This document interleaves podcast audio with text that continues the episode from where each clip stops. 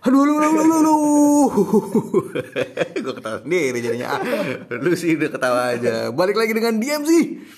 Assalamualaikum Waalaikumsalam. warahmatullahi wabarakatuh. Uh, mantap Lu nggak bisa ya di, di dengan Arif ya, bisa, para nggak pemirsa bisa. Nggak bisa. dibikin lebih Nggak, nggak, nggak bisa. lebih jelas. Bung Arif ketemu lagi nih udah holiday mood, udah holiday mood nih sebenarnya nih. Udah ya? Udah. Iya, memang. Gitu. Eh, Cuma kita apalagi- tetap semangat ya.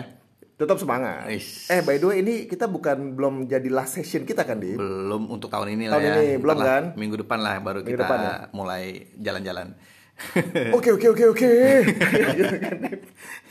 minggu ini eh minggu ini. Jadi kita ada perkembangan apa nih menu kita hari ini? Langsung ya. Kita itu di hari ini ada agendanya adalah satu. Hmm. Nah, nih kemarin kita ngomongin sepanjang minggu kemarin itu udah eh sepanjang minggu sebelumnya. Iya. Omikron. Omikron. Kemarin kita salah nyebut Omikron padahal Om- Omikron. Omikron ya. Omikron. Kan gue udah bilang gue. Yang Oh, kedua. Omikron satu. Data kedua itu adalah oh data ini ada cerita dari tenaga kerja US. Oke, terus apalagi Bung Arif? Ada lagi berita dari China. Oke, sip. Terus Nah, terakhir mungkin kita bisa wrap up dengan ngobrol-ngobrol dan data-data global kita kasih tahu lah. data-data global terus kita wrap up dengan perkembangan minggu depan ya kurang lebih seperti apa. Yes, yes. Juga nanti mudah-mudahan ada Bung Iqbal yang bisa suhu yang bisa nyambung juga ya, ikut ya. Oh, cuman sayangnya beliau harus online sama kita. Iya. Ini perlu sibuk. gue kasih tahu Iya. karena nanti kualitas ininya kan berbeda. Iya, suaranya kadang-kadang suka Iya. hilang-hilang ya, mohon maklum lah kalau gitu. Sip. Ya, jadi update mengenai Omikron apa nih Bung Arif? Omikron itu setelah apa data awal ya. Indikasi awal ya. Indikasi awal eh, tidak separah itu Tidak- gejalanya. Tidak separah yang ditakutkan Yes. pada awalnya ya. Yes. Dan eh, menurut WHO itu kalau nggak salah eh, apa kurang lebih sama lah varian ini dengan Yang tidak tidak lebih berbahaya dibandingkan varian yang lain gitu katanya sih kata-katanya seperti Tapi kemarin gue lihat ada beberapa tuh yang dicurigai udah masuk Indonesia segala macam lu lihat gak? Iya, tapi katanya dibantah sama Kemenkes. Jadi gue juga bingung. Kita mesti percaya siapa? Enggak, jadi kalau misalnya gitu, lihat aja indikasinya ada orang Afrika masuk sini apa kagak? gitu. Tapi kita nggak tahu juga kan yang udah ketemu. Ya anyway, dah Iya. biarkan eh, negara yang berurus. Iya, kita lihat sih sebenarnya secara Omikron sendiri sudah mereda karena eh, ternyata di Afrika sendiri memang banyak kasus baru tapi tidak menambah beban rumah sakit. Artinya Oh. mungkin bisa rawat jalan mungkin. Masih cukup, masih cukup, Gitu. masih cukup tempatnya. Either mungkin bisa rawat jalan, virusnya nggak terlalu berbahaya, Hmm. atau orang Afrikanya kuat-kuat. Kayaknya sih kuat-kuat. gitu nah eh, itu satu tapi di satu sisi itu eh, kasus di US dan di Eropa itu juga semakin tinggi sih sebenarnya itu yang Hmm. mungkin juga dari satu sisi omikronnya mereda oke tapi dari satu sisi dari Eropa dan US eh, kasusnya lumayan Oh, gitu meningkat ya? Gitu heeh. Lu ngeliat di mana? Data www COVID Amerika gitu. ya. di Jerman katanya kasusnya lumayan tinggi lagi nah Tapi udah gak ada demo-demo lah ya, at least ya. So far nggak ada beritanya, nggak tahu kalau mungkin di sono ada ya. Makanya kita harus ke sono kayak Bung Betul. Arif ya. Amin.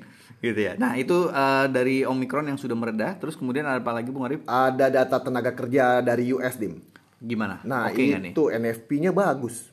Berarti non- payroll. Oke, penambahan tenaga kerja Betul. di dunia selain pertanian. Betul. Oke, gimana? Jadi naik ya? Lu ngapain definisi? Lu bikin gua mikir aja jadi. 210 ribu. NFP. Itu eh, agak lower sih dari sebelumnya tuh 540-an ribu. Oke, Nah. jadi itu membuat US-nya agak turun ya? Iya. Oke. Jadi se- risknya agak agak mix jadinya. Oke. Risk apa risk mode-nya. Oke. Nah, Tapi sentimen awal minggu ini jadi overall ini masih ini ya, masih masih mix kalau gue bilang ya. masih mix di Masih awal, tapi kemudian seiring dengan meredanya Omicron eh, jadinya marketnya mulai membaik ya. Iya, itu kan kalau lo ngomong sampai akhir minggunya ya banyak, Ha-ha, itu itu sentimennya agak agak membaik.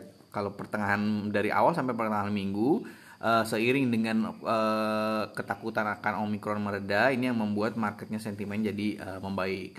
Kemudian di pertengahan minggu, nah ini kalau misalnya teman-teman dilihat dari awal sampai mungkin sekitar hari Rabu ya, itu rupiah kita sendiri menguat loh dari tadinya sekitar 14.400-an Ini sempat rupiah kita di pertengahan itu sampai 14.320 lah, sempat 325 kurang Hmm. lebih sebelum nanti di akhir minggu itu eh, melemah lagi. Nanti kita cerita. Tapi basically ya itu karena sentimen Omicron mereda overall Iya lumayan eh, tuh beda apa eh, gara-gara si Omicron agak mereda dan ceritanya ternyata tidak semengerikan itu, Hmm. itu lumayan memperbaiki risk eh, sentimennya market sih. Iya, jadi lebih ke risk on ya. Hmm, lebih risk on. Jadi rupiah kita juga sempat Karena eh, emang- menguat. Karena kalau emang kita cerita lagi minggu lalu kan yang gebuk-gebukin market berantakan kan ya si Omicron ini. Iya, betul, betul. Itu berarti eh, dari awal sampai eh, pertengahan marketnya oke, membaik. Nah, tapi di pertengahan minggu ini market sudah mulai eh, ada yang profit taking ya. Jadi Oh, oke. eh, karena memang ada beberapa hal. Pertama, eh, ada perkembangan terkait harga minyak lagi. Ah, kenapa Jadi, ini? jadi seiring dengan meredanya Omicron itu berarti kan eh, industri harusnya masih akan terus berlanjut. Ya. Tadinya kan ditakutkan Omicron ini akan Memperlambat. membuat ya industri akan turun lagi. Nah, Hmm, ini berarti eh, industri masih naik lagi. eh, s- eh, berarti masih bisa berkembang lagi sehingga Supply. kemungkinan eh, permintaan harga minyak jadi eh, tinggi gitu. Ah. Makanya harga minyak ini naik Ya. dengan meredanya Omicron dan Hmm. juga berarti itu eh, industri bisa terus berlanjut gitu. Iya, iya, iya, iya, iya. Nah, itu yang membuat eh, market profit taking. Terus kemudian eh, dolar indeks ini eh, secara keseluruhan sebenarnya dolar itu menguat seperti yang tadi Bung Arif Hmm, bilang ya dengan data Amerika tadi dolar indeks itu menguat, Betul. tetapi di tengah penguatan dolar ah, terhadap rupiah eh, dolar nggak nggak ngelawan. Hmm. Artinya pada pertengahan awal sampai pertengahan itu rupiah masih menguat, Ya. tapi memang di akhir minggu ujung-ujungnya uh, dolar juga masih kembali menunjukkan performance yang bagus. Hmm. Ini juga ditambah dengan beberapa data di akhir uh, beberapa data di minggu kemarin. Jadi itu kita bahas nih ya, Ya, Bung Arif. ya. Data minggu kemarin itu ada pertama interest rate dari uh, Australia dan Kanada itu sesuai dengan ekspektasi mereka menahan suku bunganya di 0,1 dan 0,25 untuk yang Kanada, Hmm. Ya. 0,1 untuk Australia. Nah, eh, mungkin itu nggak terlalu majors lah karena udah sesuai dengan ekspektasi. Cuman yang mungkin agak membuat market ketar-ketir juga ini karena data pertumbuhan GDP dan juga data inflasi dari beberapa negara. Eropa, Dim. Pertama dari GDP Eropa. GDP Eropa year on year itu Oh. eh, sebenarnya bagus ya, dia lebih tinggi daripada eh, forecast. Ya. Jadi year on year GDP Eropa itu 3,9 persen, hmm. forecastnya 3,7 persen. Oh, bagus lah. Tapi memang kalau dibandingkan previously itu sebenarnya turun 14,4 persen. Tapi kita kan ngelihatnya harusnya kalau hal ini kita lihat ini dari forecast karena teman-teman market ini bergerak berdasarkan forecast. Betul. Jadi market mengantisipasi forecastnya seperti apa, dia akan mengantisipasi Hmm. seperti apa. Nah, uh, mereka mengantisipasi forecastnya itu di 3,7 persen. Tapi eventually GDP Eropanya naik lebih besar daripada uh, forecast 3,9 persen. Jadi overall Eropa sebenarnya masih cukup bagus. Tetapi Jepang, Jepang ini uh, untuk quarter 3 di analyze di setahunkan itu mengalami penurunan nih Bung Arif GDP Apanya? Jepang, GDP Jepang Kenapa dia? Jadi negatif 3,6 persen, eh, forecastnya itu negatifnya hanya 3,1 walaupun previously itu 2 persen. Nah ini kalau misalnya kita bandingkan previously dengan forecast dan juga actualnya itu sebenarnya semuanya trennya menurun. Hmm. Cuman yang Jepang ini menurunnya lebih besar daripada perkiraan. Which is sebenarnya bagus juga mungkin kita berharap akan semakin besarnya stimulus di Jepang. Oh iya betul. Eh itu udah jadi belum sih, Eh, kan sudah ada rencana ya siapa tahu ini dengan datanya yang masih jelek. Iya, Dulu sempat sempat jadi berita mingguan kita tuh. Iya, betul. Stimulus di sana. Which is itu udah udah udah final kan sebenarnya. Siapa tahu dengan datanya yang masih jelek dia akan menambah Iya. lagi. Siapa tahu Harus. gitu kan. Cuma kan bisa sini uangnya. Oke. Iya, terus yang GDP lagi pertumbuhan UK year on year 4,6 persen. Nah ini lebih rendah daripada forecast karena forecastnya tadi 4,9 persen. Hmm. Oke. Gitu. Jadi eh, secara overall sebenarnya eh, GDP di Eropa doang nih yang bagus. Yang lainnya eh, apa lower than forecast. Nah, ini ditambah dengan data inflasi, terutama data inflasi China. Data inflasi China ini em, sebenarnya naik ya, inflasinya di 2,3 persen, tapi lebih rendah daripada eh, forecast 2,5 persen. Hmm. Terus kemudian Jerman inflasi 5,2 persen, ini sama dengan forecast. Nah, yang terakhir yang menarik adalah US inflation. US inflation ini yang paling ya? ditunggu. Masih ngebut gak? Eh, dia ini same as forecast datanya 6,8 persen. Wih, untuk US tuh tinggi tinggi loh. Iya. Untuk US. Untuk negara berkembang sebenarnya ini tinggi-tinggi, tapi karena ini same as forecast, jadi market juga akhirnya eh, ya udah mulai price in. Eh, cuman yang mungkin perlu di highlight ya, Bung Arif, bahwa Hmm. inflasinya ini masih tinggi-tinggi, sementara GDP-nya masih agak rendah. Iya, iya, iya. Nah ini yang mungkin Oh ini kan kayak kayak orang baru bangun kan ya nggak? Iya, betul. Benchmark apa eh, pembaginya itu apa sih istilahnya? Pembilang, pembi- penyebut. Ya itulah. kan rendah banget pas covid tuh. Iya Nah, iya benar benar benar. Jadi pas covid rendah, nah ini udah pada mulai eh, beraktivitas lagi, jadi sehingga naik gitu ya. Jadi tapi di satu sisi, nah ini mudah-mudahan eh, nggak kejadian. Cuman kan kita takut inflasinya tinggi tapi growth-nya masih rendah, jadi ujung-ujungnya stagflasi. Oh begitu teorinya ya? Yang kita kemarin bahas waktu Iya itu. iya. Jadi kalau misalnya inflasi tinggi tapi pertumbuhan gak ke mana-mana, namanya stagflasi. Stagflasi. Oh. Inflasi bodong lah istilahnya. Oh iya. Kayak iya. motor, ada motor bodong. Udah. ada udel bodong juga. nah, nah, jadi mungkin bodong. jadi ini yang mungkin eh, di akhir minggu marketnya sentimennya agak takut-takut lagi nih. Gitu. Jadi makanya rupiah yang tadinya sempat powerful ya 14320 Hmm. jadi balik lagi ke 14375. IHSG tapi di satu sisi ini masih performanya masih bagus ya Oh, Arif ya. legit man. Naik 1,75 secara mingguan ya kurang lebih ya. Jadi kalau awal minggu itu, awal minggu itu Hmm. dibukanya di 6.000 lem- enam- 6.552. Hmm. Kemarin itu di Jumat ditutup di 6.652, 100 poin Oke. naik. Jadi udah balik ke 6.600-an. Yes. Nah, Yes. tapi di satu sisi rupiahnya berarti turun. Nah, itu berarti kita lihat berarti mungkin dari eh, obligasi lagi paling Masih ya. ya, belum belum. Tapi dana fresh kayaknya belum ya. Belum. Nih, soalnya kalau kita ngelihat data, ini kita ngomongnya agak ini ya, beda seperti biasa gitu. Bisa. Jadi kalau kalau kita lihat tadi gue singgung belum lihat data di saham sih gue. Cuman kalau ngelihat data yang data dari op- kepemilikan asing obligasi belum kelihatan ada dana baru masuk ke obligasi. Masih turun terus. Hmm, ya, ya itu mungkin menyebabkan bahwa yang kita melihat rupiah masih eh, kemarin sempat apa turun, Hmm. eh, terus kemudian naik lagi 14.375, tapi di satu sisi IHSG masih cukup positif. Berarti 901,45 triliun Kepemilikan asing Oh, atas obligasi terakhir ya? pemerintah Indonesia. Yes, Oke. per tanggal 9. Oke, jadi basically eh, yaitu rupiah masih eh, mungkin oh, apa maksudnya asing masih eh, keluar dari obligasi, tapi mungkin ada yang masuk ke saham, Saham, betul. ada yang memang keluar, Betul. tapi memang porsinya nggak banyak. Oke, Nah, Dim. gimana nih, Bung Arif? Berikutnya itu ada data lagi uh, di hari Selasa itu gue lihat berita ada dari uh, Bank Sentral China PBOC Oke oke, apa itu? dia? itu dia menurunkan RRR. Wih, apaan itu? Nah, Ada, itu gue taunya XXX, kalau RRR tuh apa? XXXX. Oh gitu. iya, ukuran baju Ukuran baju ukuran baju. XXXXL L biasanya, gitu. ya. Ukuran baju, lu untung gua lu lurus, ke mana? Gua lurusin Oh, lu. iya, iya. Nah, anyway. RRR ini apa? Reserve Requirement Ratio. Oke, Itu dia turunin. Artinya berarti dia bisa Bank nggak perlu misalnya kalau kayak kita apa GWM. GWM. GWM.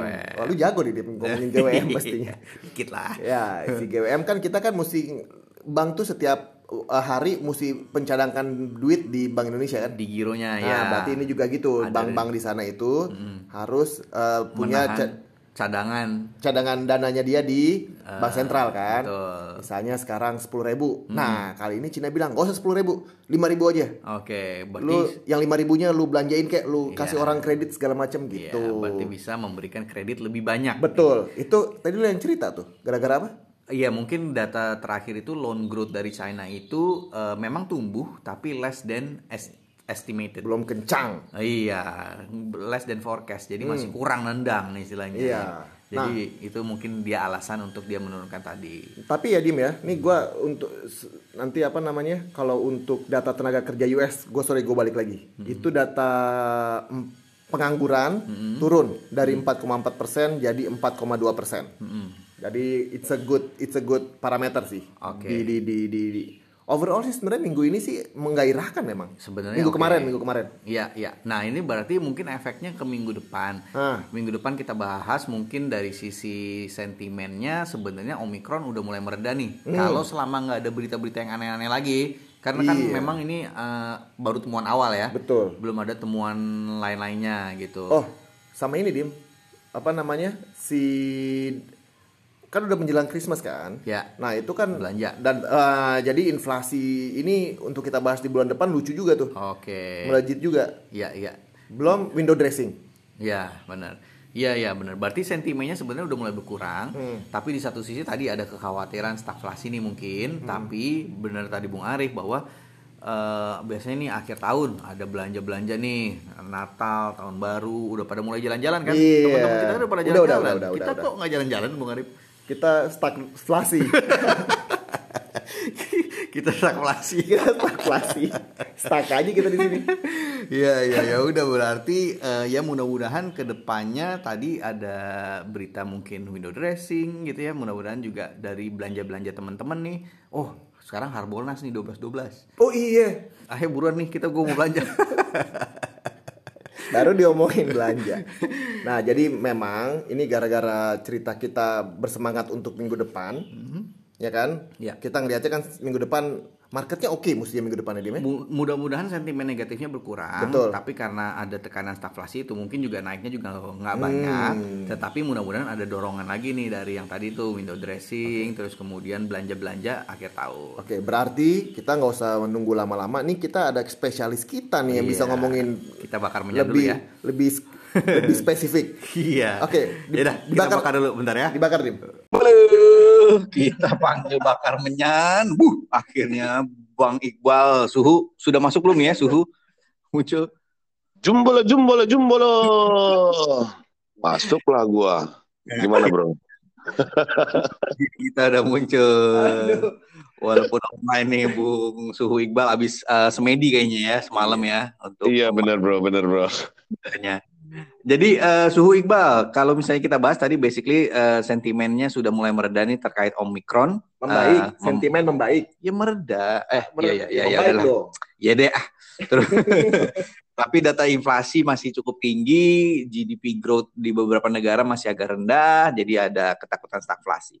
Nah, dilihat dari suhu teknikalnya gimana nih eh, suhu Iqbal nih? Yes, berdasarkan tadi Bro Arif dan Bro Dimas update di fundamentalnya, gue cocok juga dan dari sisi teknikal untuk indeks sendiri sampai hari ini gue ngelihat memang eh, yang kemarin udah mulai proving ya kalau tahanan dia di 6490 tuh. Pernah break Iya. Yes, benar. Pernah break di bawah 6490, tapi mental balik di atasnya. Jadi teman-teman, ya teman-teman yang ngikutin podcast ini, perhatikan aja. Kalau dia dua hari berturut-turut, berturut-turut ya nggak boleh ada lagging, lagging sehari. Maksudnya pertama ditutup di bawah 6490, besoknya ditutup di 65 lebih, ah itu udah itu udah gagal, itu udah batal. Pembentukan candle udah batal. Jadi kalau dua hari berturut-turut di bawah 6490, ah teman-teman udah harus aware tuh di situ tuh. Udah mulai Hmm. harus uh, rebalancing teman-teman punya porto. Nah, itu titik krusialnya. 6490 tetap titik krusialnya di situ. Yang Bahwa kedua, yes. kalau untuk bilang titik krusial itu, kalau misalnya berdua hari berturut-turut di bawah 6490 artinya akan merosot lebih jauh atau gimana maksudnya? Ya, berarti pada saat 6490 itu di break dan vol diikuti dengan volume jual domestik ya, gua ngomong domestik yang cukup signifikan karena gini, eh, yang eh, terakhir gua isi di podcast, terus gua coba observasi di market terus, eh, area 6490 yang kemarin sempat di break Walaupun diikuti dengan volume penjualan asing yang cukup besar, kalau teman-teman perhatikan di RTI, itu satu minggu terakhir asing melakukan net sale yang cukup besar, kurang Iya. lebih 3 triliunan dah kalau kalau buka di RTI. Tapi domestiknya masuk terus nih, terus ditahan sama domestik sama lokal. Bargain Ya. hunting ya. Yes, betul. Nah, eh, beberapa hari ini bursa juga sudah mulai memperlakukan bahwa kode broker dihapus. Jadi kita nggak bisa lihat tuh broker-broker mana yang melakukan kenapa? Nggak bisa ngikutin jadinya ya? Nggak bisa ngikutin, kita udah nggak tahu lagi broker-broker mana yang melakukan pembelian terus nih. Nah, hmm. cuma pada saat dia mau break di bawah 6490, asing melakukan jual, ada beberapa IPO yang uh, menurut saya lumayan cukup besar ya. Salah satunya ada perusahaan chat itu melakukan IPO dan cukup berhasil. Dan ada beberapa bank-bank mini yang melakukan right issue. Ya, intinya gini, uh, asing melakukan penjualan tapi uh, dengan adanya IPO, dengan adanya right issue dan sentimen di akhir tahun, domestik masih bisa menahan uh, nah. kejatuhan indeks lebih lebih lebih dalam lagi ya. Ya nah betul. itu itu itu itu uh, dari sisi teknikal untuk supportnya.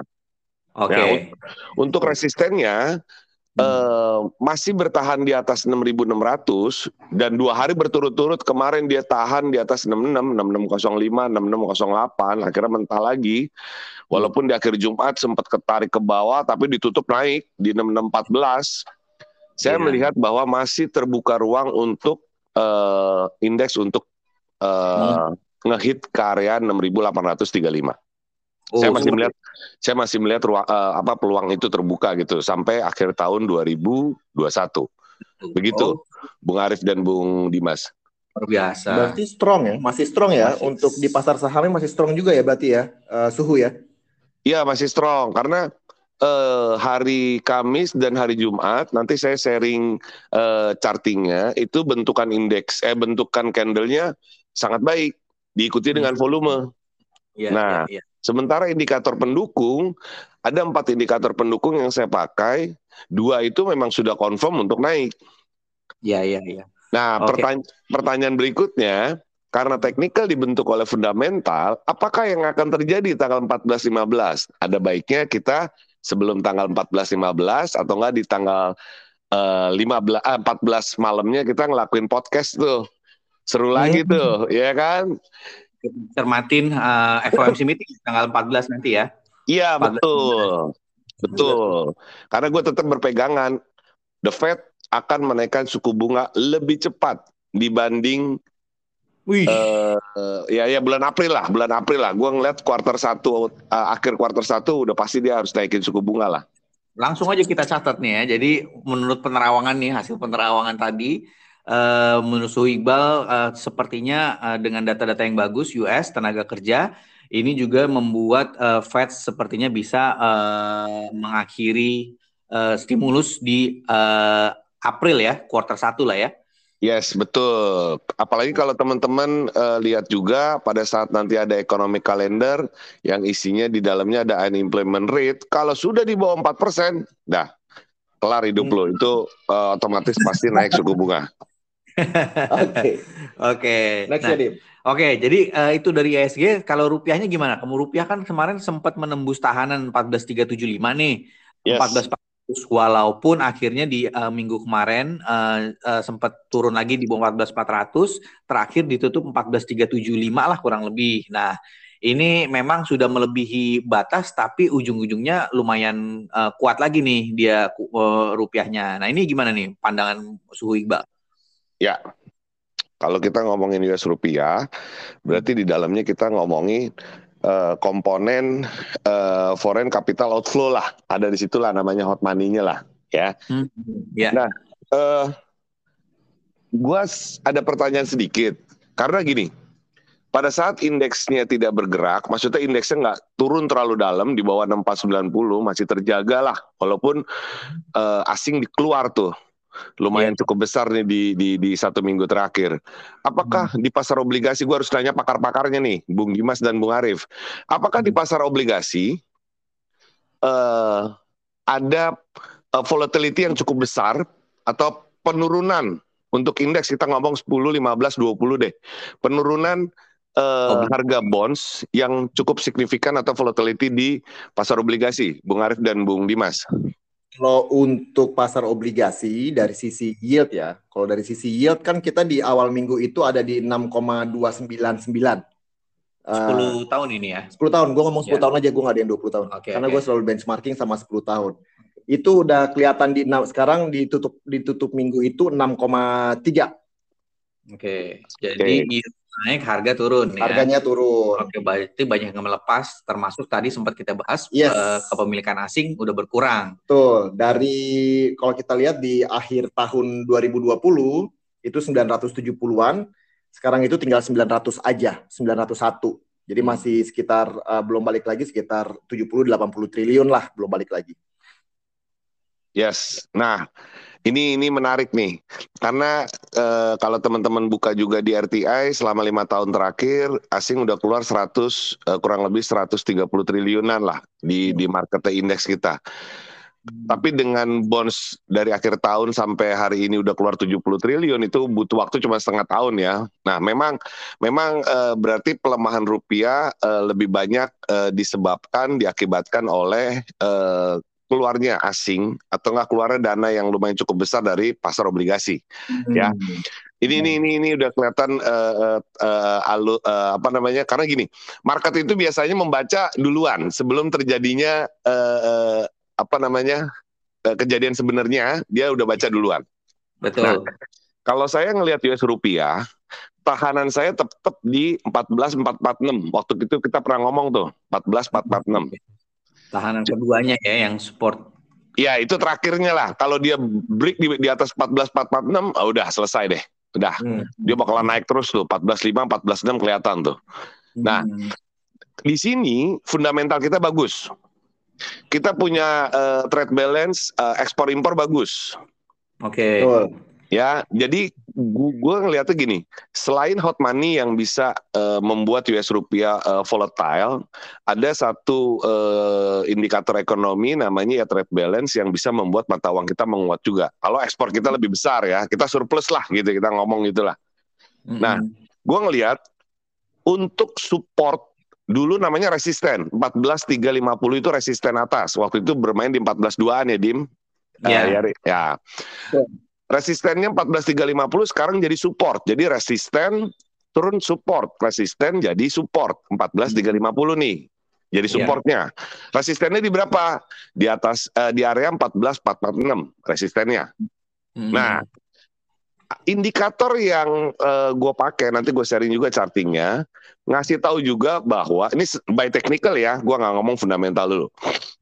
By technical 14350 yang jadi support ini berusaha di break sama dia dan dua indikator pendukung ngasih tahu bahwa 14375 sampai 14400 adalah toppingnya Ah, Oke, batas Hmm. atas.